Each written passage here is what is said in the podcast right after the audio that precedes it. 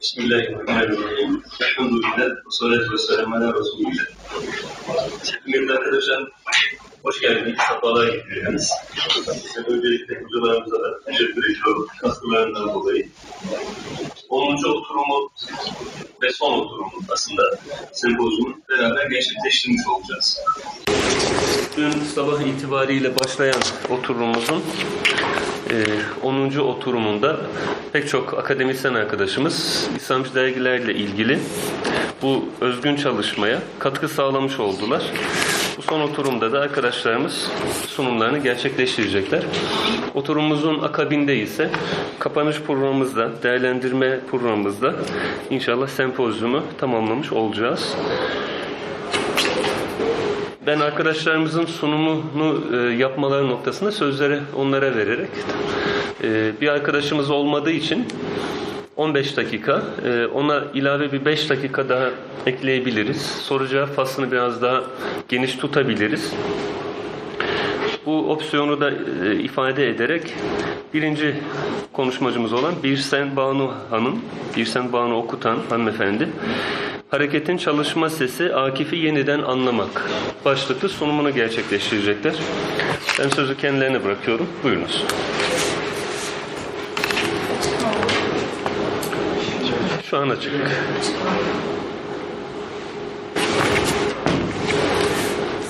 Oturma Başkanım, sevgili misafirler, hoş geldiniz. Hareketin çalışma sesi Akif'i yeniden okumak adlı sunumu sizlerle paylaşmak. Şimdi buradaki amaç Hareket Dergisi'nin İslami düşünce sistemini bir diğer ifadeyle hareketin çalışma sesini çözümleme girişimi. Şimdi derginin mercek altına alacak yılları 39, 43 ve 47, 53 aralığını içeren ve İsmail Kara tarafından iki cilt halinde yeniden neşredilen 66 yılın öncesinde ele geçen sayıları ve ama benim daha öncesinde çalışma sesinden kastımın ne olduğunu açıklamam lazım.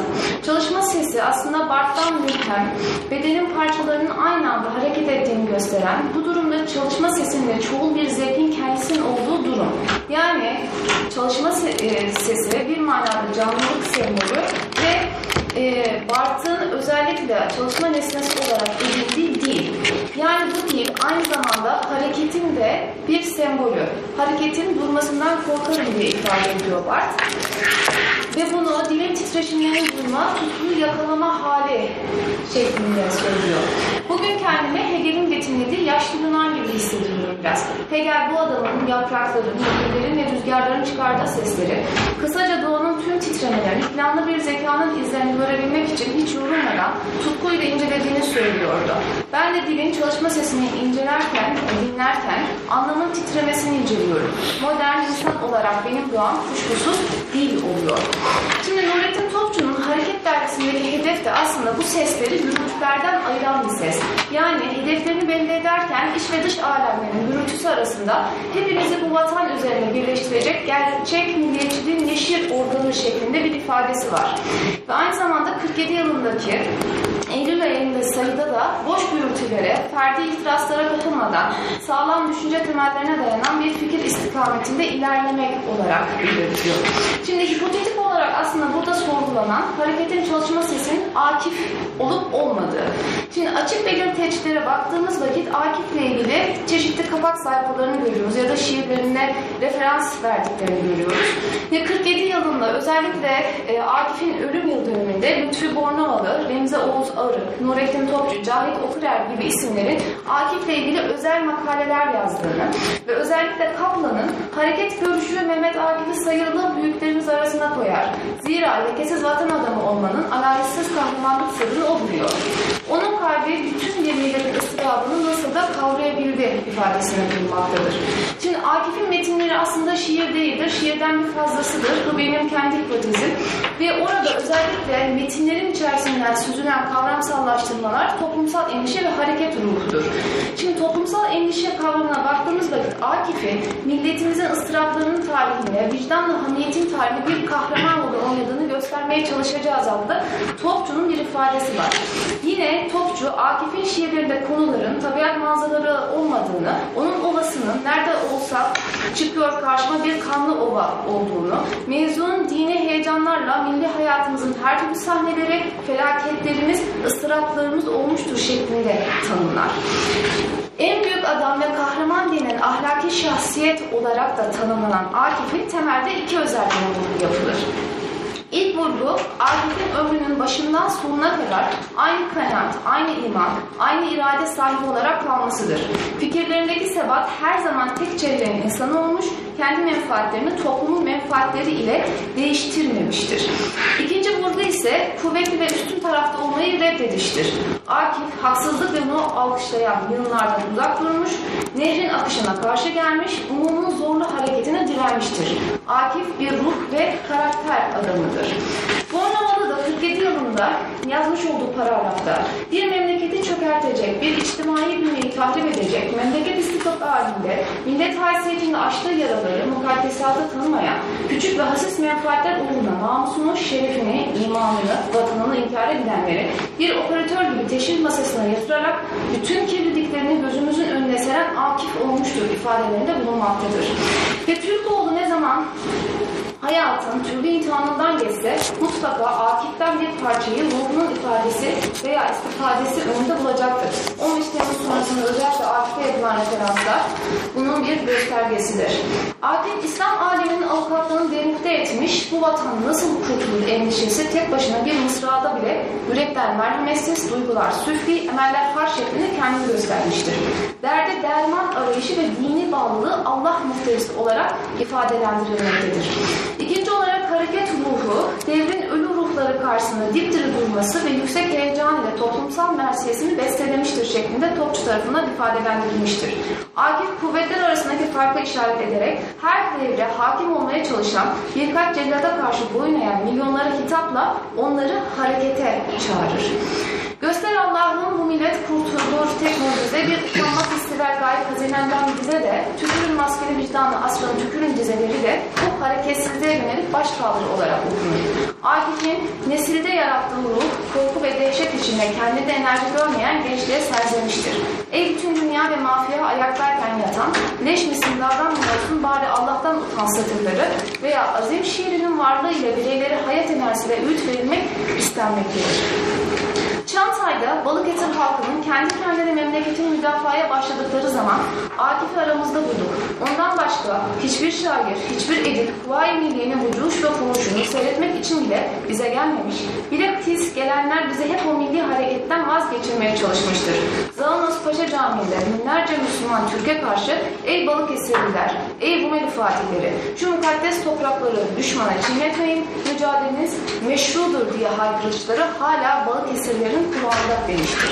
Örtük belirteçlere baktığımız vakit Hareket Dergisi'nin içerisindeki makaleler toplumsal endişeye vurgu yapar. Bu çıbanan eşlerler, sosyal amirlerin sinir sistemi üzerinde tesirleri, çağımız, eskiyle yeni, fen ve teknik ilerlemesi cemiyette bir ahlak buhranı yaratmış mıdır gibi makalelerin hepsi birbirinden her ne kadar sosyal bilimler alanında farklı da olsa aynı merkezi toplumsal endişeyi taşımaktadır.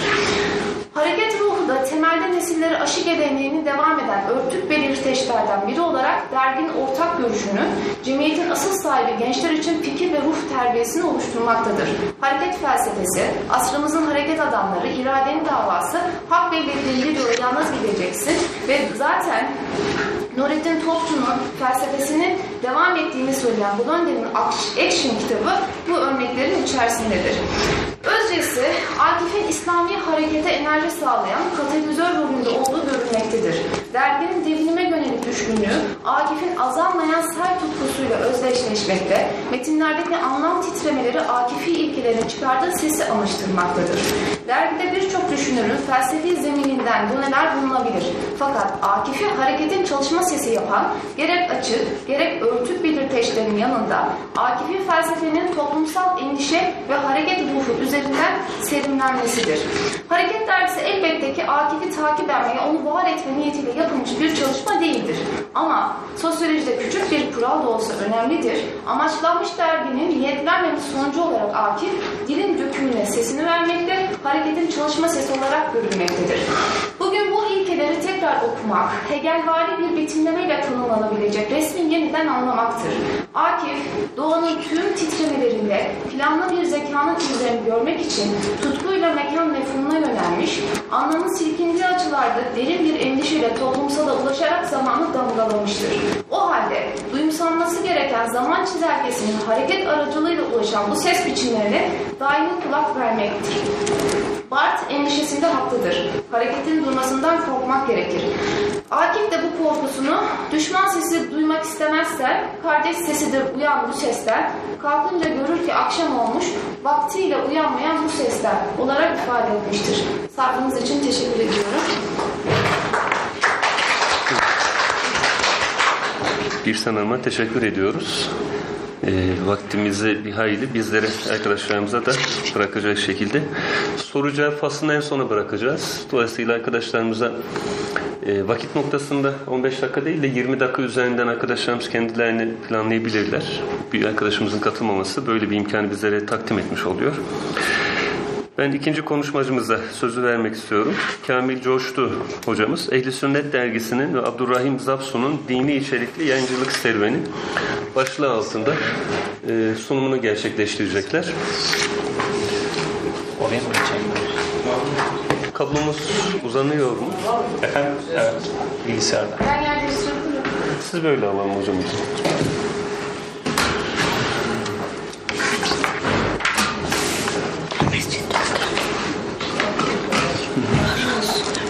Tamam.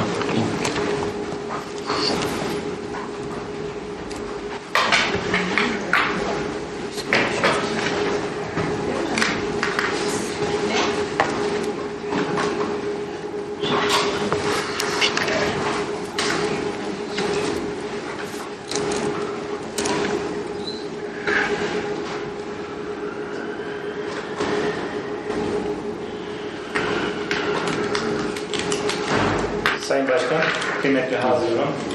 Ee, araştırma başlığım, tezgah başlığım, Ehl-i Sünnet Dergisi'nin ve Abdurrahim Zatsu'nun dini içerikli yayıncılık serüveni. Ee, açıkçası e, araştırmamla e, buradaki anlatım e, biraz farklı olacak.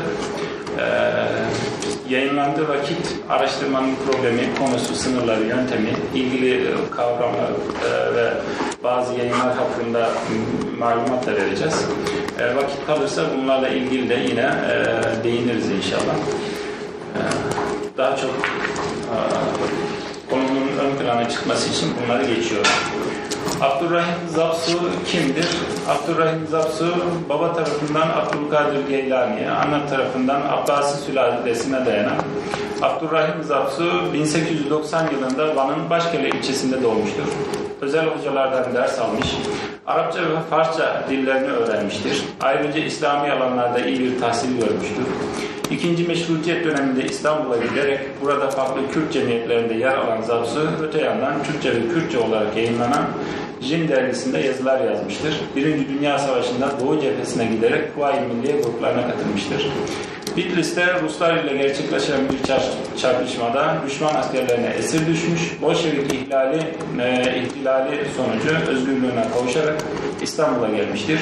Burada Darülfünun İlahiyat Fakültesi'nde eğitim görmüştür. Necip Fazıl Kısakür, e, Kısakürek'in öncülüğünde kurulan Büyük Doğu Cemiyeti e, kuruculuğu e, üyeliği İstanbul'da Dicle Talebe Yurdu'nun yöneticiliğini yapmıştır. Abdurrahim Zapsun, Bedirhan aşireti lideri, Bedirhan Paşa'nın torunlarından Arusi Şeyhi Aziz Çınar'ın kızı Hidayet Hanım'la evlenmiş. Bu evlilikten üç çocuğu olmuştur. Pek çok eser neşreden Abdurrahim Zapsun 1958 yılında vefat etmiş. Edirne Kapı mezarlığına defnedilmiştir. Ee, derginin bir sayısında Abdurrahim Zapsu e, e, kendisinin ilmi hüviyetini şu şekilde anlatmaktadır. Benim e, hüviyeti ilmiyem şudur diyor. Eski mebuslardan ve Türkiye'de ulum İslamiye'de büyük selahiyete malik mülga mütehassisin medresesinde kürsü sahibi bulunan fazileti herkesi tanınan ve Diyanet İşleri Müşavire Heyeti azalığında vefat eden merhum Seyyid Taha Hazretlerinin talebesiyim. Darül Hilafetil İslamiye Sahn Medresesi imtihanını vermiş. Mütehassisine duhul imtihanını dahi kazanmışım. Darül Hilafe Teşkilatı'nın lavi ile İstanbul Darül Funun'da teşkil olunan İlahiyat Fakültesinin ilk mezunuyum. Ee, Abide-i Tevhid namında tez olarak yazdığım Ayetül Kürsi tefsirini Darül Funun heyeti huzurunda mütafaa etmiş ve kabul ettirmişim. Eserim halen Edebiyat Fakültesi kütüphanesinde mahfuzdur. 25 seneden beri dini eserler yazar ve neşretmekle meşgulüm. Dört şark lisanına az çok vakıfım. Buna rağmen halen kendimde bir hadisi şerifi veya bir ayeti tefsir etmek cesaretini bulamıyorum. Çünkü ufacık bir zuhul, ufacık bir hata ya da e, Hazreti Fahri Kainat'a veyahut Allah ve Zimşan'a iftira etmek gibi ebedi bir hüsranla karşılaşmak mümkündür. Bu imkandan e, çekinerek hiçbir yazımı kendi mütalaa ve kanaatimle baş başa bırakmam, müteaddit, müfessir ve tetkikatını maalesef ittihaz eder, dindaşlarımı temin ve çalışırım. Bütün e, münakaşalarında esas olan budur şeklinde kendi ilmi hüviyetini bahsetmektedir. Abdurrahim Zapsun'un eserlerine baktığımız vakit hakikaten e, geniş bir yelpazede uzun müddet eser e, neşrettiğini görüyoruz. E, her ne kadar burada bazı eserlerin tarihi mesela Metin Din Sorguları 22. başlıkta yer alan 1956, Hale'nin Din Sorguları 56, Pertem'in Din Sorguları 56 olarak görünse de bu sonraki baskılardır. E, bunların ilk baskılar 1930'lu yıllardadır. Yani e, din devlet laiklik ilişkinin en sıkıntılı olduğu dönemlerde dahi Abdurrahim e, Zapsu eser neşreden nadir isimlerden bir tanesi. Derginin yayın hayatına başlaması sebebiyle halktan hakikaten olumlu tepkiler gelmiştir. Ee, yazı yazanlardan bir tanesi e, hukuk e, profesörü avukat İshak Muammer Fındıkgil'dir. Ee, burada da kendisinin e, yazdığı mektubu görmektesiniz. Gazetesinde, daha doğrusu dergisinde kendisi bu mektubu da neşretmiştir. Ee, Abdurrahim Zapsun. Abdurrahim Zapsu 1950 yılında bu pek bilinmez bağımsız aday olmuştur. E, bağımsız adaylığını şu şekilde paylaşmıştır. Yüksek iman sahibi münevver okuyucularım aşağıda yazılı vesika ile İstanbul milletvekilliği için müstakil adaylığını adaylığımı ilan etmişlerdir. Esasen siyasi hiçbir faaliyete geçmek istemediğim halde bu arzuyu reddetmeye de imkan bulamadığımdan şeref ve iftiharla kabul ettim. Siyasi hiçbir partiye mensup bulunmadığım için hiçbir listede ismim yazılmış değildir. Vatandaşlar listeye değil kendi vicdani kanatlarına bağlıdırlar. Bunun için hangi listeyi e, atmak isterlerse bunlardan hoşuna gitmediği bir ismi çizerek yerine müstakil bir isim koyabilirler. Bunlar tabii haklardır. Eğer lehinde bu şekilde deyimizi kullanacak olursanız kanunen mümkündür. İstanbul halkının yüksek teveccühüne bilhassa münevver gençliğe şimdiden teşekkürlerimi sunarım şeklinde adaylığını ilan etmiştir. Ehl-i Sünnet dergisinin genel karakteristik özelliklerine baktığımız vakit şunları görmekteyiz. İlk sayısı 4 Temmuz 1947'de çıkan Ehl-i Sünnet. Yarım gazete sayfası e, boyutlarında e, açıkçası e, çalışmam sırasında onların hepsine fotoğrafı çektirdim. E, ilk ciltine ve son ciltine yanımda getirdim. Ee, bu küçük boyla e, boyutu e, küçültülmüş bir fotokopisidir. İslam kütüphanesinde bağlar başında mevcuttur 7 ciltte. E, bu ilk ciltidir. E, bu da son ciltidir. E, tabii ki Kasım sonunda çıktığı için çok fazla e, içerisinde birinci ciltte ve son ciltte çok sayısı yok ama diğer e, ciltler daha e, kalıplıdır. Ee, burada e, kendisi gazetenin üst başlığında dini, ahlaki ve ilmi haftalık gazete şeklinde kendisini tanıtıyor. İlk 26 sayı e, ardından daha diğerleri ise daha küçük e, boyda ve 16 sayfa halinde 15 günlük dergi olarak Kasım 1953 yılına kadar neşredilmiştir. Toplam 137 sayıdır. Dergideki imzası sayılan çoğu Abdurrahim Zapsu'ya aittir. Derginin ilk sayısı iman, ibadet olmak üzere iki kısma ayrılmış. İlk sayfanın sağ tarafından bilen bilmeyen bir midir? Ancak bilginler Allah'tan korkar ayetleriyle Beşikten mezara kadar ilme çalış şeklindeki e, hadis-i şerif yer almıştır ve Hazreti Ali'nin bana bir harf öğreten beni kendisine köle etmiştir sözüne yer verilmiştir ve Teşkilat-ı Esasiye Kanunu'ndan da bazı maddelere değinilmiştir. Ehl-i Sünnet Dergisi'nin yayınlanması, yayınlanmasının genel amacını ise şu şekilde belirtmiştir e, Zapsu.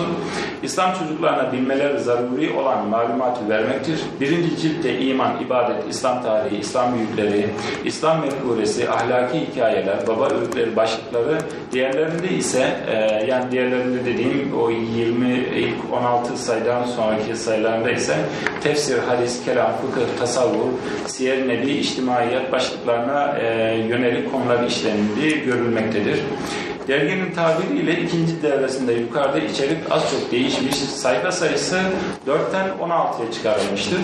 Derginin ele alacağı konu başlıkları 11 maddede toplanılmıştır. Bunlar şiir, fikri makale, tefsir, hadis, fıkıh, e, tasavvuf, kelam, siyer, içtimaiyat, dini ve içtimai mevzular okuyucu istekleri şeklinde yer almıştır. Ehli sünnetin bazı yazarları şunlardır. E, bunlardan bir kısmı açıkçası e, okuyucular, okuyucular e, bazen şiir veya yazı göndermiş. E, Abdurrahim Zapsu da beğendiği şiirleri, e, yazıları orada e, neşretmiştir. Sadık Ambarcı, Ali Alaaddin Abbasi, Mahmut Sertel, Tahir Olgun, Hulusi Bitlisi, Kadircan Kaflı, Hafız Fevzi Aksoy, Said Çekmegil, Hayri Karaoğlu, Ali Fuat Başgil, Kazım Yalvaç, Mehmet Süleyman e, Teymuroğlu gibi isimler yer alıyor. E, burada kendi oğlunun da yine aynı şekilde e, eser e, yazısının çıktığını yine görmekteyiz. Pertev Zapsun'un. Abdurrahim Zapsu'nun dilinden derginin özellikleri. Abdurrahim Zapsu bir sayısında derginin bazı özelliklerini e, şu şekilde paylaşıyor. E, iman sütununun var olduğunu, ibadet, aynı şekilde İslam tarihi, İslam büyükleri, kıssadan hisse, baba öğütleri e, gibi okuyucularımızla baş başa kısmının yer aldığını söylüyor. E, Zapsu e, bazı yerde e, hakikaten her ne kadar siyasetle katiyen uğraşılmayacaktır dese de e, siyasi özellikle e, seçim dönemlerinde falan siyasi yazıların yer aldığını e, görmekteyiz. Burada e, Abdurrahim Zapsu Behlül Dane'den bir e, hikayeyi anlatarak e, şey yapar, e, siyasete ne zaman müdahale ettiğini o şekilde anlatır. Der ki Behlül'dane işte iki kişi kavga ederken görür. E, ilk önce hiç karışmaz. Fakat o kavga edenler Behlül'dane'nin çanağını kırdığı vakit e, bu vakit e, Behlül'dane ikisinin de üstesinden gelirler. E, Zarsu da der ki bizim de dini e, hayatımıza etki eden e, birisi dini hayatımıza etki ederse o zaman biz de onun üstesinden gelmeyi biliriz. O zaman e, kaleme alırız der e, ve bunun üzerine açıkçası siyasi e, konulara değindiği yazıları bunun üzerinedir. Tartışma konularına baktığımız zaman ee, bayanların başı açık olarak namaz kılınabileceğini savunan Rusçuk eski müftüsü Ali Ziya Topaç'ın Doğru Yol isimli kitabından alıntı yaparak Hakka Doğru gazetesiyle Ehl-i Sünnet arasında görüş farklılığından ötürü tenkit içerikli yazılar neşredilmiştir. Hakka Doğru gazetesi bunu konu edilmiş. Ee, Rusçuk eski müftüsünün bu yazısını e, kitabında e, iktibas geçmiş. Ehl-i Sünnet'te bunun olamayacağını, e, böyle bir şeyin söylenilemeyeceğini e, Hakka Doğru gazetesiyle hakikaten e, münakişalar, karşılıklı yazılar var. E, bir diğeri Şemsettin Yeşil'in çıkardığı Hakikat Yolu adlı dergiyle aralarında e, çorap üzerine mes konusunda e, geçmiştir. Bu durum Alevi-Sünni tartışmalarına sebep olmuş. Derginin ilerleyen sayılarından birinde Muaviye de konu edilerek tartışmanın büyüdüğü görülmektedir. Bu adam e, diyerek e, bir milletvekiliyle aralarında e, bir münakaşa oluyor. E, bundan kasıt Van mebusu Ferit Melen kastedilmekte. Bütün devre boyunca diyor ki aynen şu şekilde geçiyor. Bütün devre boyunca mecliste bir tek kelime sarf etmezdi. Dünya kopsa bir defa ağzını açmazdı. Fakat Diyanet İşleri bütçesi mevzu bahis olur olmaz mutlaka çıkar Müslüman Türklerin vicdanlı umumiyesine tecavüz ifade eden birkaç cümle söyler, içini boşaltırdı. Sayın Melen sizden soruyorum, aksaçlı şefiniz hiç alakası bulunmadığı ezanı tercüme ettirdi. Kendi itikadınca millileştirdi. Acaba çeyrek asır süren sözüm ona camiye girdi mi hiç? Ürdün kralı Hacı Bayram camiine kadar getirdi.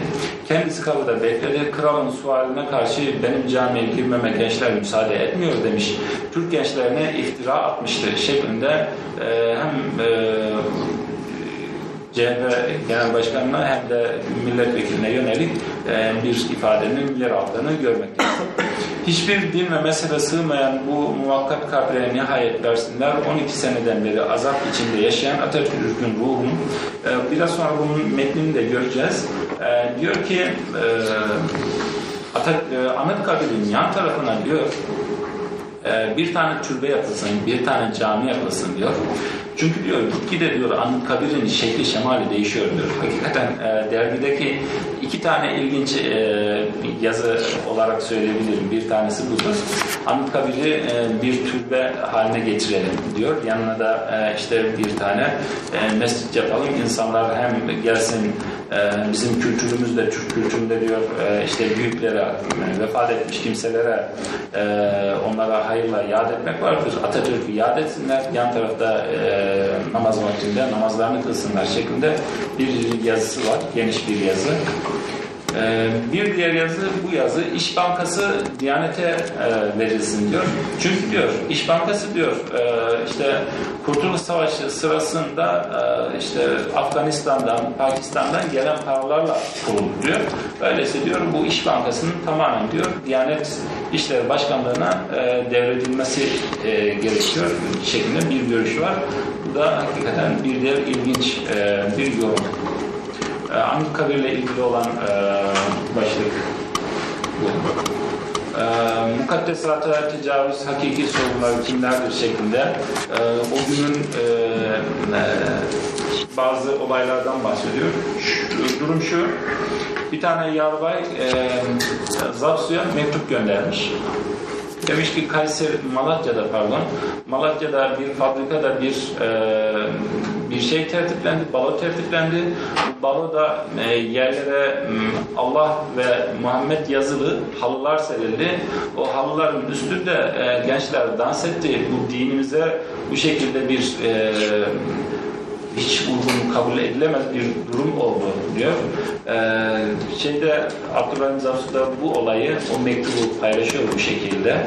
Ee, ve e, bu e, Yarbay'ın e, Yarbay'a da teşekkür ederek e, hükümeti eleştiren bir yazısı mevcut. Milletin büyük bir sevinçle karşıladığı kanun tasarısı yine e, 1950'de e, yeni hükümetin e, oluşması sonrasında e, bir kanun tasarısını paylaşıyor.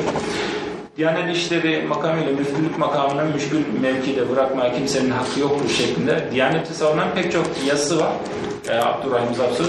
Ama açıkçası bu e, bakış açısının e, özellikle Akseki sonrasında değiştiğini görmekteyiz. Akseki sonrasında ehli sünnet ile Diyanet İşleri Başkanı arasında bazı tartışmalar mevcuttur. Bundan dolayı yazılarında biraz değişme var. 1952 ve 53 yıllarında neşredilen sayılarda. Hocam bir iki dakika toparlayabilirsiniz. Toparlıyoruz.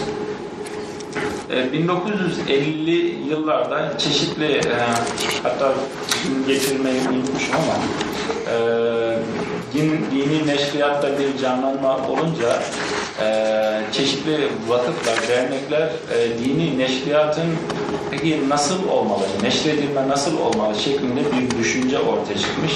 E, sanırım güzel yazıcının da içerisinde bulunduğu bir ekip e, 1950'li yıllarda dini neşriyatla ilgili bir eser e, neşrediyor. Yani bir dini neşriyatta şunlar bulunması gerekiyor şeklinde bir yazısı var. Aynı şekilde Abdurrahim Zapsun'un da e, bu şekilde e, bir dini neşriyata tamam özgür olsun ama bir e, sınırının da yani e, olması gerektiğini savunuyor. E, bir diğer e, husus e, İstanbul Müftüsü'nde mesela Abdurrahim Zapsun'un Cenaze Ahkamı isimli Cenaze, Cenaze ve Ahkamı isimli eserinin e, müftülükçe e, uygun görüldüğü şeklinde bir yazıları da e, mevcut. E, 1952-53'ün işte son sayılara doğru Abdurrahim Zapsu hacca gitmiştir. E, aslında o son iki sayısında e, Abdurrahim Zapsu'nun e, bu dergiye son vereceğine yönelik e, sinyaller e, vardır diyebiliriz. E, son sayısında zaten bunu bahsediyor mali açıdan e, çok e, kötü duruma düşmesi sebebiyle dergiye devam edemeyeceğini e, okuyanlarıyla paylaşıyor. E, son yazıda şu şekilde e, diyor, bununla bitiriyoruz. İslam dininde bütün işlerde helalleşmek esastır. Velhasıl İslamiyet'te bütün muamelatta ve bütün harekette kul haklarından kurtulmak lazımdır. Hele uzun sefere gidenlerin mutlaka helalleşmesi ister. Muhterem okuyucularım sizinle 7 senedir baş başayız. Sizin muamelelerinden veya, veya yazılarından dolayı hanginize bir hakkım geçmişse ben hepinize affederim ve Cenab-ı Hakk'a e, benim hakkımdan dolayı hiçbir Müslümanı sorguya çekmesin. Yine bu yazılarından dolayı veya herhangi bir konuşma esnasında e, mücadele icabı olarak hangi Müslümanın kalbini kırmışsam veya tecavüz etmişsem bunları bilerek değil mücadele icabı yapmış bulunduğumdan dolayı bütün Müslüman kardeşlerimden af diler ve bundan dolayı beni helal etme, etmelerini ve yine abone haklarından dolayı veya broşür bedellerinden bana fazla gönderilmiş bir şey varsa ondan da helal etmelerini diler ve bu surette İslam'ın temeli bulunan helalleşmeyi istirham eder. Hepimizden Allah razı olsun şeklinde bir dua ile e, yazısını, dergisini sonlandırmaktadır. Beni sabırla dinlediğiniz için teşekkür ederim. Evet, Kamil Coştu hocamız 1960 öncesindeki Ehli Sünnet dergisi ve Abdurrahim Zapsun'un dergi üzerinden dini içerikli yayıncılık serüvenini bizlere takdim ettiler. Son konuşmacımız Ali Özcan. Ben e, yani soru cevap faslını, değerlendirme faslını uzun tutmak sadediyle sözü kendilerine hemen takdim etmek istiyorum. Bize tek kişilik kültür ve medeniyet ordusu Serden Geçti dergisi serlevhalı tebliğini takdim edecekler. Buyurunuz hocam.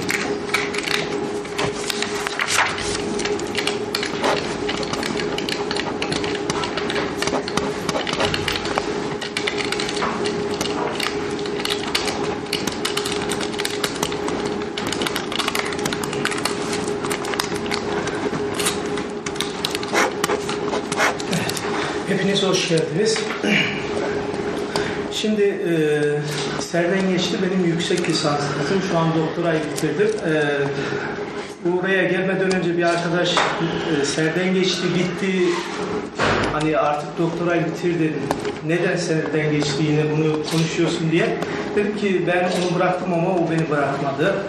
Aynı şekilde Serden geçti de e, belki Türk siyasetinde, Türk basınında, Türk yayıncılık hayatında gerçekten kendisini bir anlamda bu işlerin dışında tutmaya çalışmış, mücadelenin dışında tutmaya çalışmışsa, çalışmışsa da bir anlamda kendisini bu mücadelenin içerisinde konumlandırdı. Şimdi burada birkaç not var. Milli mücadelenin sosyal, kültürel ve siyasal alandaki mücadelesini veren temsil gücü yüksek simge bir isim, gazeteci, yazar, siyasetçi.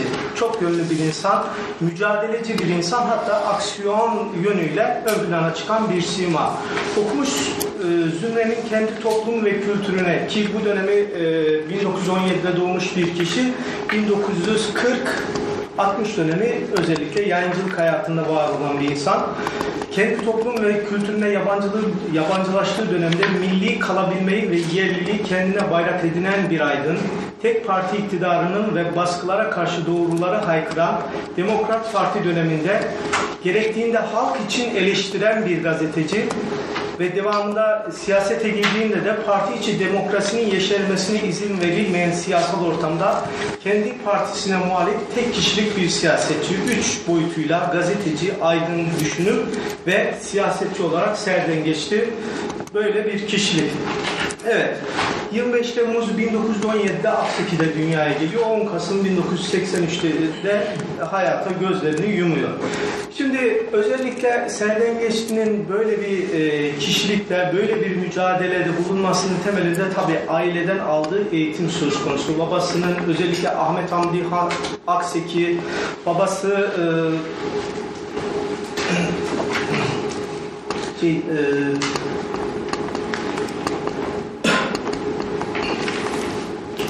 babasının, dedesinin aynı şekilde özellikle Akseki'deki mücadele e, e,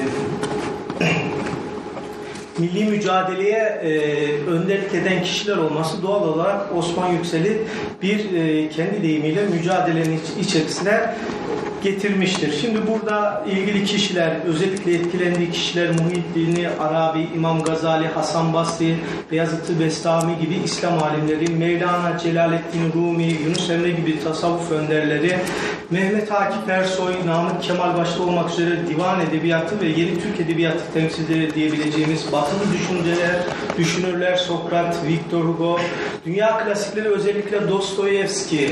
Ben aslında Cemil Meriç'le Osman Yüksel'in aynı e, hayatı yaşamış insanlar olduğunu düşünüyorum. Birisi e- eylem yönüyle ön plana çıkmış Osman Yüksel, Cemil Meriç de düşünce yönüyle ön plana çıkmış. Birisi düşünmüş yazmış, birisi yaşamış yazmaya zaman bulamamış bir insan. Aynı şekilde Dostoyevski'den tıpkı Cemil Meriç gibi fazlasıyla etkilenen bir düşünce insanı. 1917'de doğuyor. İlk ortaokul devamında e, Ankara'da felsefe bölümüne kaydolmak için müracaatta bulunuyor. Özellikle olgunluk sınavı dönem itibariyle olgunluk sınavları yapılıyor. Devlet yurt dışına öğrenci gönderiyor. Ama Os- Osman Yüksel bu sınavları kazanmasına rağmen gitmiyor. Bunun sebebi de şu. Ankara'da bir tarih coğrafya fakültesinde felsefe bölümü okumak ve burada e, burslu okuyarak e, o dönem için verilen 50 liralık bursla bir yayın çıkarmak, bir mecmua çıkarmak. Burada da görüyorsunuz e, neden felsefe bölümünü e, okumak istediğini ilişkin dergisinde yer alan düşüncelerini ifade ediyor. Yani milletime, vatanıma ve bu yolda gücümün yettiği kadar faydalı olmaya çalışmak. Bir anlamda kendi toplumunu bilmek, tanımak, o toplumun sorunlarına çözüm bulmak temel amacıyla e, felsefe bölümüne kaydoluyor. Ancak tabii 1944 40 e, 50 döneminde o dönemin Türkiye'sine baktığınızda özellikle dil tarih coğrafya 3 Mayıs 1944 e, milliyetçilik olayları fakülteler doğal olarak özellikle farklı görüşlerin e, konumlandırıldığı siyasal olayların fazlaca cereyan ettiği bir e, durum. Fakültedeki hocalarla arası açılıyor. Behice Boran, Niyazi Berkes, Muzaffer Şerif ki e, Muzaffer Şerif Behice Boran'a Osman Yüksel'i e, diyor ki bu arkadaşı sen yanına al, sen yetiştir. E, bu gerçekten hem yazın gücüyle hem düşünce kabiliyeti olarak müthiş bir insan ama Osman Yüksel bu teklifi kabul etmiyor. Behice Boran'dan kendisine gelen teklifi e, zaten e, ileriki dönemlerde de bir karşıtlığın söz sonucu olarak bunlarla özellikle Sebahattin Ali olsun bir tartışma ortamı söz konusu oluyor hayatında.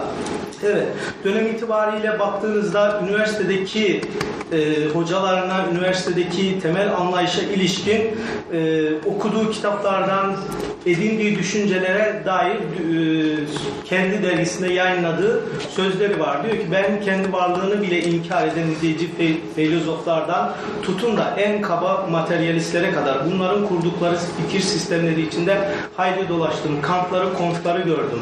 Hiçbiri içimdeki boşluğu doldurmadı ve içindeki boşluğun Mevlana, Yunus Emre, Akif e, üzerinden dolduğunu ifade ediyor. Ve devamında özellikle fakültede cereyan eden olaylar 3 Mayıs 1944 milliyetçilik olaylarının sonucunda fakülteden atılıyor ve bu birkaç kere e, haksız yere atılmasına rağmen birkaç kere e, tekrar ediliyor. Sonunda artık e, e, 1944 2-3 Mayıs olaylarına katılınca Hasan Ali Yücel dönü- e, pardon e, Nevzat Tandoğan e, tarafından Ankara'da gözaltına alınıyor. E, Nevzat Tarhan'a pardon Nevzat Tandoğan'a getiriliyor. Nevzat Tandoğan diyor ki Osman neden hem hukuk fakültesinde hem siyasal bilgilerde e, hem de ulustaki olaylara katıldın? Diyor ki ben yani bir anlamda e, hem orada hem burada hem burada olamam. Bana izin verin sadece bir yerdeki olaya katılmış olayım. Böyle e, tatlı e, diyebileceğimiz nükte boyutu olan olaylarda yaşıyor. Ve 1944'teki 6 aylık bir tutuklanma, 6 aylık bir tutuklanmanın sonunda fakültesine dönüyor. Haksız yere atıldığı için fakülteye alınmıyor. Alınmamasının sebebi de Hasan Ali Yücel'in fakülte yönetimine sunmuş olduğu e, emir bir anlamda. Ve bunun sonucunda da Hasan Ali Yücel'e bir mektup yazıyor. Hepiniz belki görmüşsünüzdür ya da en azından duymuşsunuzdur bunu. Yüksek vekaletin alçak vekiline bu mektubu yazdıktan sonra ilgili şahıslar kabul etmiyor bunu. Artık sesini duyurmak için bunu Bağrı Yanık diye bir dergi çıkartıyor. Orada da yayınlıyor. Bunu yayınlamasından sonra da tekrar gözaltına alınıyor. Bununla ilgili dergisi de kapatılıyor. Evet. Tabii e, doğal olarak e, böyle bir mücadelenin içinde olan bir insan, bir mücadele veren insan sesini nasıl duyuracak? Sesini kendisiyle özdeşleşen bir dergiyle duyurmaya çalışıyor. Serdengeç'te. Aslında Osman Yüksel Serdengeçli olarak bilinen kişi temelde Osman Zeki Yüksel'dir. Serdengeçli onun verdiği bu mücadelesinin dergisiyle özdeşleşmesinin sonucu olarak ve kendisinin kullandığı ismin sonucunda Osman Yüksel Serdengeçli'ye dönüşüyor. Böyle bir durum var. Ee, 1947'de ilk dergiyi çıkartıyor. Normalde aylık olarak çıkması gereken dergi yaklaşık en son sayısı 62 yılında çıkıyor. Sadece 33 sayı çıkabiliyor. İlk dergiyi Ankara'da çıkartıyor. Beraberinde tutuklanıyor. İkinci dergi Konya, e, An- Ankara'da pardon Konya'da. Üçüncü dergi İstanbul'da, Eskişehir'de. Hatta derginin arkasında açın kapıları Osman geliyor diye. Yani hapishaneden çıktıktan sonra yine ben, yine mücadelemle, yine düşüncemle karşınızda olacağım mesajını da dergisinde veriyor. Tabi 1947'de ilk sayı çıkıyor. Beraberinde e, tutuklanmalar, gözaltına alınmalar, derginin toplatılması, e, derginin Osman Yüksel'in e, bir anlamda kovuşturulması, gözaltına alınması, matbaacıların e,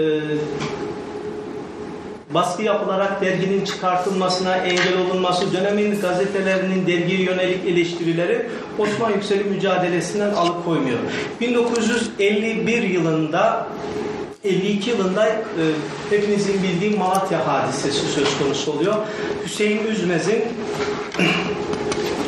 dönemin gazetecisi Ahmet Emin Yalman'ı e, vurması sonucu Necip Fazıl'la birlikte Osman Yüksel de tutuluyor. Beraberinde Malatya'ya gönderiliyor. 11 ay gibi bir süre burada tutuklu kalıyor.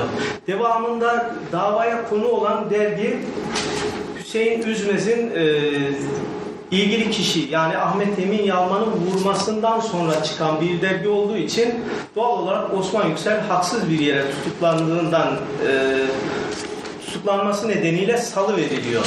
52 yılında böyle bir e, durum e, tatsız olay yaşıyor. 1954'te tabi dergiyle verdiği bu mücadelesini siyasal hayatta da vermeye için yola çıkıyor. 1954 yılında Antalya Antalya'dan milletvekili adayı oluyor. Tabi bağımsız bir milletvekili adayı olduğu için e, türlü kovuşturmalara, e, dönemin İçişleri Bakanlığı'nın e, valiliğe gönderdiği işte yasaklayın, e, toplantısını gösterilerini iptal edin, ilgili broşürlerini toplatın gibi uygulamalarıyla karşı karşıya kalıyor. Ve bunun sonucunda çok da oy almasına rağmen ki e, serdengeçli de yazıyor. Tabi toplum kendisini serdengeçli olarak bildiği için birçok kişi seçmen serdengeçli olarak oyunu veriyor. Bunların da kabul edilmemesi sonucunda aday olamıyor. 1957'de yeniden deniyor. Bu sefer e, Antalya İl Genel Meclisi'nde bağımsız aday oluyor. İki tane CHP, yani zannedersem 14-16 tane e, Demokrat Parti e, ve bir tane de bağımsız olarak Osman Yüksel. Bu dönemde tek başına o İl Genel Meclisi'nde mücadelesini veriyor. Birçok insan işte şuraya Atatürk anıtı yapalım, şuraya şöyle yapalım gibi İl Genel Meclisi'ndeki tartışmalarda bu ülkenin kalkınmasına e, özellikle Antalya'nın kalkınmasına dönük su, içme suyu, daha değişik projelerin gerçekleştirilmesini istiyor. Beraberinde de artık gücü yetmeyince, daha doğrusu bir şeyleri değiştiremeyince istifa ediyor. Ve 1961 yılında bu defa Konya'dan milletvekili adayı oluyor. Yine bağımsız bir milletvekili adayı ama bu defa e,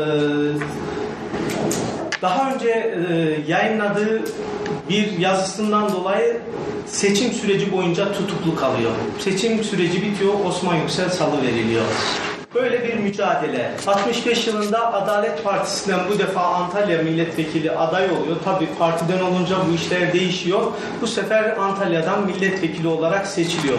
İki yıl Adalet Partisi'nde Süleyman Demirel'le birlikte milletvekilliği yapıyor. Hatta birçoğunuz bilirsiniz kravatsız milletvekili olarak e, böyle nüktelerin, esprilerin kaynağı haline geliyor.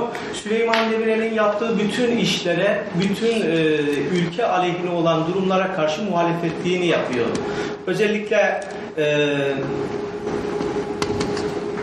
bir oyla yani partideki bir oyla değişebilecek bir e, yasa ya da çıkarılabilecek bir yasa sadece Osman Yüksel'in muhalefetliği nedeniyle engellenmiş oluyor. Bu yüzden 1967 yılın e, 69 yılında Adalet Partisi'nden istifa ediyor. Beraberinde Cumhuriyetçi, Milliyetçi, e, Milliyetçi Cumhuriyetçi Milli Köylü, Köylü Millet Partisi'ne geçiyor. Buradan e, Alparslan Türkeş kendisini Ordu'dan milletvekili aday yapıyor. Tabi Ordu'da dönem itibariyle e, Akdenizli bir insanın Karadeniz'de tanınması mümkün olmadığı için Ordu'dan e, milletvekili adaylığı başarısızlıkla sonuçlanmış oluyor. Zannedersem 1977 yılında da e, Necmettin Erbakan'ın e, tavsiyesiyle ya da isteğiyle, ricasıyla Milli, e, Milli Selamet Partisi'ne geçiyor. Burada belli bir süre kaldıktan sonra da artık e, yaşlanması, e, siyasetten bir anlamda elini çekiyor. Şimdi burada özellikle Konya'da milletvekili e, aday olduğu dönemde Adalet Partisi'nin milletvekili adayı Osman Yüksel hakkında açılan Konya'daki bir gazetenin ilgili küpürü. Yine İçişleri Bakanlığı'nın e, Emniyet Genel Müdürlüğü'ne göndermiş olduğu bir tutanak yani e, aday olunmaması ya da adaylığının engellenmesi en azından bunlar yapılamıyorsa seçim sürecinde e, önüne engel konulması yönünde bir olgu. Şimdi özellikle bizim incelediğimiz boyut Serden Geçti'nin e, yayınladığı dergiler. 33 sayı dergi. Şimdi e, resimde de görüyorsunuz derginin her sayısında isminin altında Allah'a, millete, vatana koşanların dergisi Hakka tapar, hakkı tutar.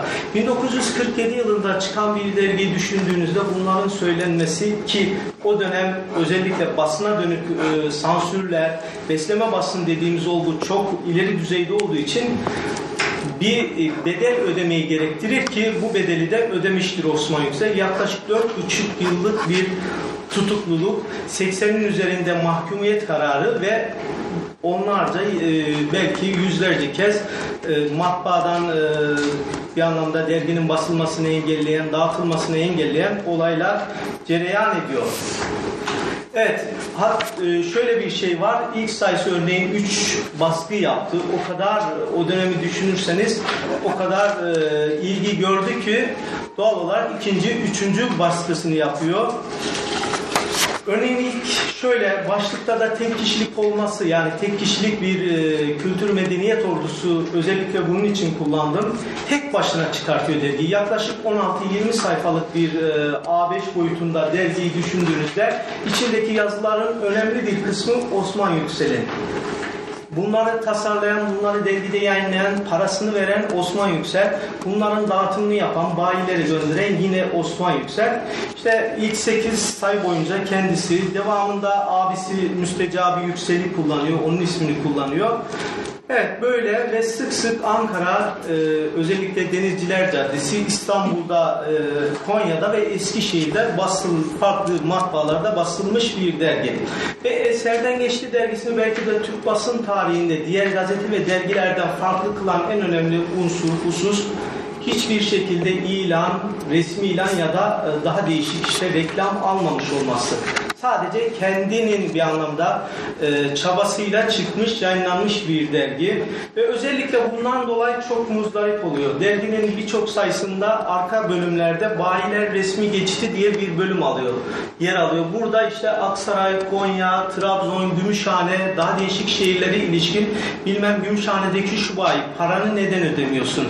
Paranı bir an önce yok, öde yoksa biz dergi çıkartamıyoruz gibi böyle espri mahiyetinde nüktedam e, kişiliğini de ortaya koyan e, e, yazılar yer alıyor.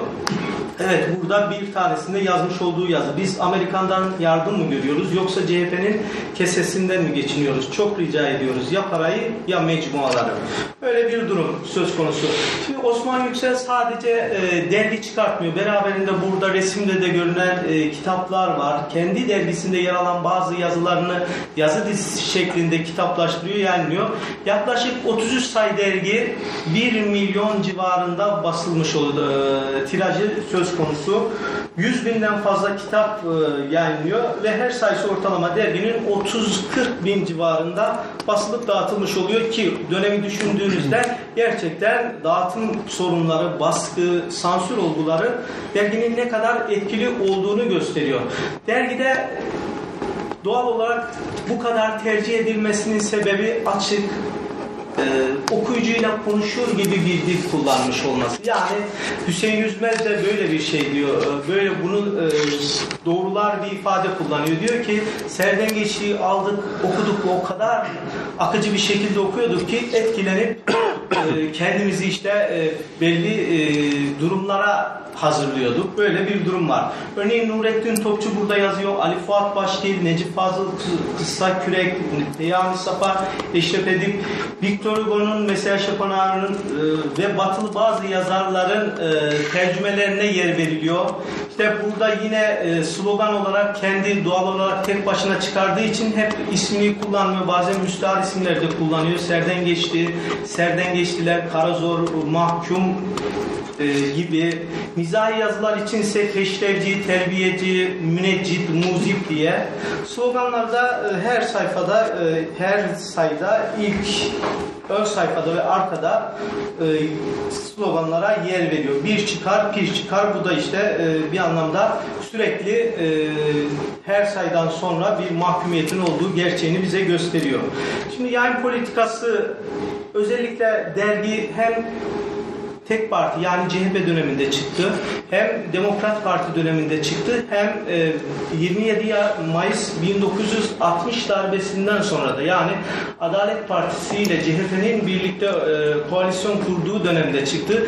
Her üç dönemde de aslında dergiyi özetleyen yani politikasını özetleyen e, vurgu bu. Allah'a, vatana, millete koşanların dergisi haktan yana bir dergi, bir yayın politikası belirledi. Hatta e, e, Menderes'le ilgili bir yazıyor, yazıyor. Yaşa be Menderes diye sen işte bu milletten yana olduktan sonra bu milleti arkana aldıktan sonra hiçbir şekilde sana zarar veremezler. Ama Menderes nehri gibi olma türünde de bir uyarıyı da bulunmuş oluyor. Özellikle alt- 60 darbesi öncesinde e, Demokrat Parti e, üzerinden CHP'ye yönelik bazı uygulamalar söz konusu. İşte Uşak'ta e, İsmet İnönü'nün Kayseri'de taşlanması gibi olaylar. Bu süreçte de dergi Serden Geçti dergisine baktığımızda bu uygulamaların yanlış olduğunu söylüyor. Böyle bir gerçek, böyle bir yayın politikası söz konusu. Burada e, eğitimle ilgili e, bir yayın, nasıl bir yayın politikası izlediği yazılar üzerinden e, zaten her şeyi gösteriyor. Bir nesli nasıl mahvettiler yazısı. Özellikle e, sansüre uy- uğrayan, bu yüzden tutuklanmasına neden olan yazı. Çocuklarımıza neler neler öğretiyoruz. Her hafta radyoda diyor Ayşe ablanın başkanlığı altında kopiller gibi hep birazdan havlatılıyor çocuklar. İnsan mı yetiştiriyoruz? Affedersiniz. E, daha e, söylemeye gerek yok. Hocam Evet. toparlayabilirsek. Tamam. Şimdi e, kadın aileye dönük dergi aslında tam bir e, sosyal, kültürel, siyasal bir yazım, bir toplum mücadelesi, bir toplumun kendini bulma mücadelesi. Burada e, özellikle etkisi de önemli. Dün sanıktık, bugün tanık CHP döneminde sanık olması e, ve bu uygulamaların e, Demokrat Parti döneminde sonlandırılması e, Serden Geçti'nin yazılarının ne kadar etkili olduğunu gösteriyor. Diğer dergilerle polemikleri var. E, Babı Ali için Babı Adi e, ifadesi kullanıyor. Bu önemli. Birinci sayfa artist, orta sayfa ilan, son sayfa spor, hükümetten resmi ilan almak için çıkan yardakçılar gibi ifadeler. Evet, e, şimdi sansür ve kapatma özellik 92 kez mahkumiyet kararı, 8 tanesinden toplam 4,5 yıl hapis. Evet, burada e, 1927. sayıda zannedersem yer alan e, bir e, 27. sayıda yer alan yazıda kendisi de burada neler yaşadığını ifade ediyor iktidarlarla ilişkisi az önce söylediğim Menderes.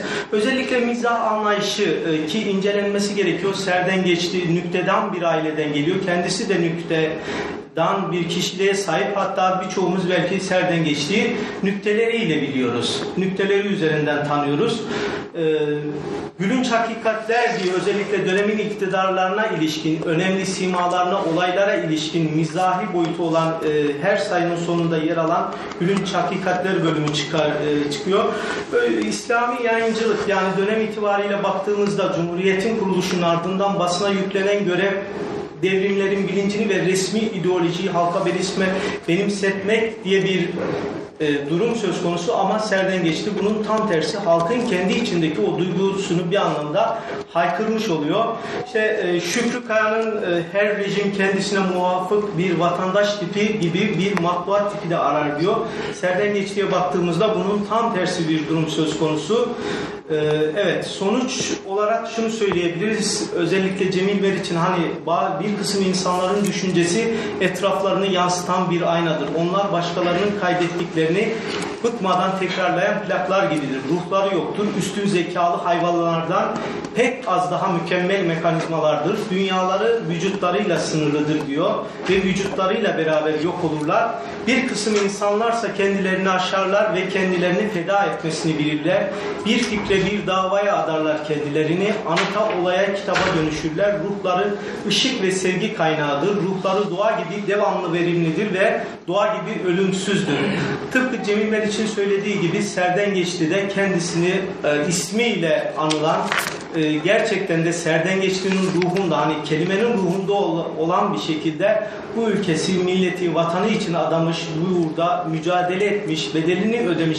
Belki de bugünkü siyasal, sosyal anlamda kazandığımız birçok hakkın ya da birçok e, kazanımın arka planında peşin ödemesini yapmış, bedelini ödemiş bir kişi olarak görebiliriz. Teşekkür ederim dinlediğiniz için.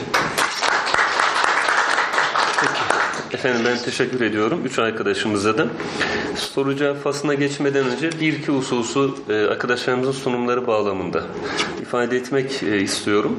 Aynı zamanda soru noktasında da birkaç arkadaşımıza sözü e, vermiş olacağım. Bir defa hiçbir dönem ülkenin geçirdiği hiçbir vaka öncesindeki olaylardan müstani bağımsız bir şekilde anlaşılamaz. Bizim bugün arkadaşlarımızın da takdim etmiş olduğu 60 öncesindeki İslamcı dergilerle ilgili olan sürece baktığımız zaman aslında e, Osmanlı'nın e, Tanzimat, ıslahat, meşrutiyet, cumhuriyet ve sonrasındaki cumhuriyet ikinci meclisle beraber gerçekleştirilen inkılaplar üzerinden Milli Şef dönemine geldiğimiz zaman Milli Şef dönemindeki o toplum olarak siyaset, ekonomi, eğitim bütün alanlarda kendisini kapatan bir toplumun dünyaya, dünya olaylarına, dünya meselelerine sadece tarihine yönelik değil aynı zamanda dünya meselelerine de kendisini kapattığı noktada aslında bu üç derginin de bugün söz konusu edilen tarihine baktığımız zaman 47 tarihi ve 49 tarihi tam da Türkiye'nin bu milli şef döneminde kendi içerisindeki baskı ve kapanma noktasında bunu açmaya yönelik dünya toplumuyla yine dışarıdan bir müdahale çerçevesinde Türkiye'nin e, NATO üyeli e, Rus komünist yapıyla ittifak olmaması noktasında Batı blokajının artırıldığı ve aslında bu üstten olan yine e, müdahalenin neticesinde ülke içerisindeki belirli noktalardaki açılımların, belirli noktalarda sıkı tutulan, baskılanan meselelerin daha e, sıkı boyutunun azaltıldığı bir süreci karşımıza çıkaracak ki aslında bu üç derginin de yayınlanma tarihi olarak baktığımız zaman 45 sonrası Türkiye'nin tam da bu Batı blokunun Türkiye'nin üzerindeki tahakkümü çerçevesinde olduğunu görmüş olacağız. O yüzden aslında bugünün meselelerini anlama noktasında da bu üç derginin ve üç dergi üzerinden ifade edilenlerin de çok büyük bizlere katkı sağladığını da görmüş olacağız. Ben e, bu bağlamda e, Kamil Hoca'ya şunu sormak istiyorum. E, Anıtkabir ile ilgili bir türbe yapımı, cami yapımı noktasında bir efendim tekliften bahsedildi. Yine İş Bankası'nın Diyanet'e devredilmesi noktasında Hint Müslümanlarının Türkiye'deki milli mücadele ve hilafetle ilgili meselelerinde bu acaba nasıl bir tartışma doğuruyor o dönemde? Yani bu teklifler e, karşılık buluyor mu? Nasıl bir tartışma doğuruyor diye e, ifade etmek soru bahsinde e, sormak istiyorum. Toplu da alabiliriz. Yani sizlerin değerlendirme soru bağlamında e, ben bu soruyla girmiş olayım. Yine e, ikinci bir sorum Ali Özcan Bey'e. Kuş dilinin biz Türkiye'nin o baskılı dönemi itibariyle çok gündemde olduğunu pek çok örnek üzerinden görüyoruz. Yani bunu Erbakan e, üzerinden okuduğumuz zaman milli görüşten tutalım, tutalım gümüş motor bahsinde vesaire. Yine kuş dili bağlamında Serden Geçti'nin Allah, vatan, millet yolunda ifadesi arkasında bir kuş dilini görüyoruz. Bunun yazılara, metinlere yansıması sadece derginin altındaki bir isim noktasında mıdır? Yoksa daha içerikte bu kuş dili üzerinden ifadeler nasıl cereyan ediyor?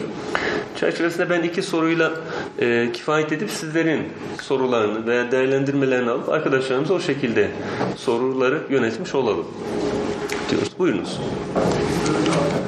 Bir bir şey hatırlattım. Bu etik komşunun derginin yazar kadrosu var. Mesela bunu söylediniz ama yazar kadrosunda yer almamış. Bir yazısı. Yazısı yer almıştır yani. Dergide yazısı yer almıştır. Tamam. Yani böyle bir ayrı. Yok yani yazar kadrosu kimlerin yazısı farklı batılı yazarların da tecrübe, tecrübelerine yer verilmiştir yani o anlamda. Ben de Ali Ozan Bey'e bir şey sormak istiyorum. Serden Geçti dergisinin okuyucularla nasıl? Çünkü hani kesin kesin çıkan bir dergi ama aynı zamanda 30 sene çıkabilen bir dergiden bahsediyoruz. Yani oku, okuyucuların tepkisi nasıl oluyor? Mektup falan gönderiyorlar mı? Yani okuyucular şöyle e, 33 sayı çıkan ama 15 yılda 33 sayı çıkan. Yani aylık çıkması gereken bir dergi bakıyorsunuz e, 1947 Nisan'da çıkıyor. Mayıs'ta ikinci, birinci sayının ikinci basımı çıkıyor. Beraberinde örneğin 52 yılındaki o e, tutuklanmadan dolayı 4 yıl çıkmıyor dergi. Nitekim 69'da çıkıyor, e, şey pardon 59'da 62'de çıkıyor. Yani böyle bir çıkma serüveni var. Yani aralık dediğimiz şey, periyot dediğimiz sıkıntılı. Okuyucularla e, bağlantısı, yani okuyuculardan mektuplarınızı gönderebilirsiniz diye dergide ilanlara yer veriliyor. Ama e, yani mesela bazı yazarlar var. Şu an özellikle ben önemlilerini zikrettim. Birçok okuyucusu nezdinde, örneğin Abdurrahim Balcıoğlu örneğin bir aslında belli oranda bir okuyucudur. İşte e, Akseki cezaevinde birlikte kaldığı dergide yazılar çıkıyor. Onun dışında üniversite öğrencileri var. İstanbul Hukuk e, hukuktan bunların dergide yazıları çıkıyor. Yani tam etkileşimli bir okuyucu e, bağlantısı olduğunu söyleyebiliriz. Nitekim bayiler resmi geçişi de bu etkileşimin sonucu. Evet. Kamil Hocam, o soru bağlamında size söz verelim isterim. Tek parti dönemi 1925-1945 arasıdır. 17 tane hükümet kurulmuştur. Tek parti e, hükümeti kuruluyor. E, tabii 1945 sonrasında e, çok partili hayata geçiş var ve bu geçiş sırasında da CHP'nin e, din hakkındaki düşüncesi CHP hükümetin, e, partinin e, kendisinde bir e, gözden geçirme durumu da var. Mesela 7. E, CHP kongresi hakikaten e, tutanakları falan bu anlamda hakikaten önemlidir. E, bu e, Abdurrahim Zapsun'un Anıtkabir'le ilgili yani Anıtkabir bir nevi türbe haline getirilsin yan tarafına cami yazısı e, yapılsın şeklindeki teklifi ve İş Bankası'nın e, Diyanet İşleri'ne Diyanet İşleri Başkanlığı'na verilmesi teklifi 1950 sonrasında e, neşredilmiştir. 51'dedir. Bir nevi e, Adnan Menderes'e Menderes'e yönelik bir tekliftir. Yani CHP dönemindeki bir hükümete değil Adnan Menderes dönem- dönemindeki hükümete yönelik bir tekliftir. Ee, ama bununla birlikte basında bu nasıl e, değerlendirildi açıkçası bunu görmedim. Yani benim daha çok çalışmalarım 1949 öncesiydi. Doktora çalışmamda 1924-49 arası din, din eğitimine yönelik e, yayınların değerlendirilmesiydi. E, o dönemi biliyorum ama 1950 sonrasında e, bu teklif verildiği için o dönemin dergilerinde veyahut e, gazetelerinde bu teklif ne kadar e, ciddiyetle ele alındı veyahut siyasiler buna ne kadar e, olumlu olumsuz yaklaştı bu konuda maalesef e, hakikaten bir malumata sahip değilim. Eyvallah. Asım Hocam. Galiba şöyle bir şey de düşünebiliriz. Ticaretleri Mustafa Kemal üzerinden açtığım tartışmalar sonra Büyük Doğu'da yayınlanan şeyler aslında bu 1952'de galiba aslında bu koruma kanununun Evet, evet. çıkarılmasına Evet, evet. E, bir manada zemin hazırlanan gelişmeler gibi de okunabilir. Evet. E, sonraki süreçler açısından baktığımızda. Evet. O Yani, te- e, hani şeyin de kanunun da şeyde yani Demokrat Parti'nin Te- teklif, teklif de 1952'de o kanundan e, sonra bu e, Anıtkabir ile ilgili teklif 52'de. şey, kanundan sonra mı? Kanundan sonra. Sonra. Kanundan sonra. Ee, bir de şunu değineyim ben kısaca onu e, slayta almamışım. Ee, 1949'da e, din dersleriyle ilgili mesela o e, hükümete yönelik şunu söylüyor. E, CHP dönemi e, seçim yapılmamış. E, diyor bunu diyor e, ders kitaplarını e, şey yapsın. Diyanet İşleri Başkanlığı hazırlasın. Ee, bu teklifin bence etkili olmuş e, diye düşünüyorum. Çünkü o bir heyet kuruluyor. Heyetin içerisinde Ahmet Hamdi Akseki de e, mevcut.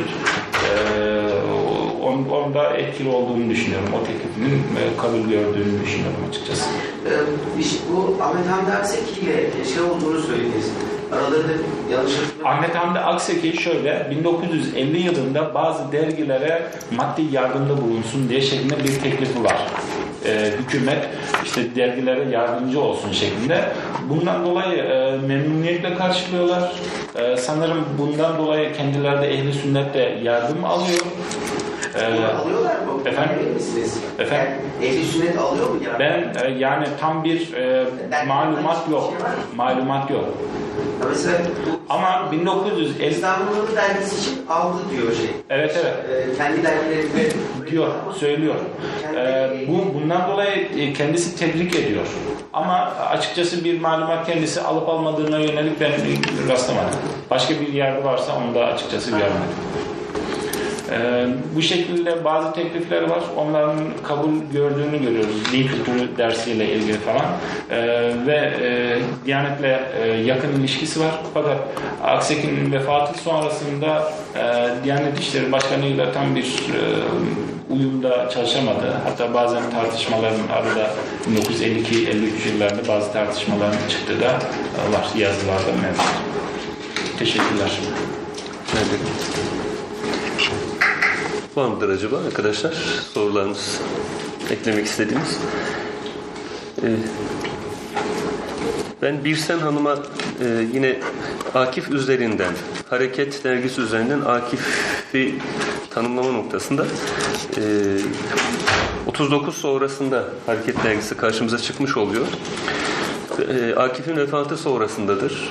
Yani Hareket Dergisi'nde Akif'in vefatı sonrasında Türkiye'nin içinde bulunduğu e, konjonktürel şartlar itibariyle de düşündüğümüz zaman e, Akif'in tanımlanması var olan bir öncesindeki Akif'i tahlil üzerine midir? Yoksa dönemin e, siyasi e, veya tartışılan meseleleri bağlamında Akif'in söylediklerinin bir teyidi veya teklifi noktasında mıdır diye bir soru yönetmiş olsam.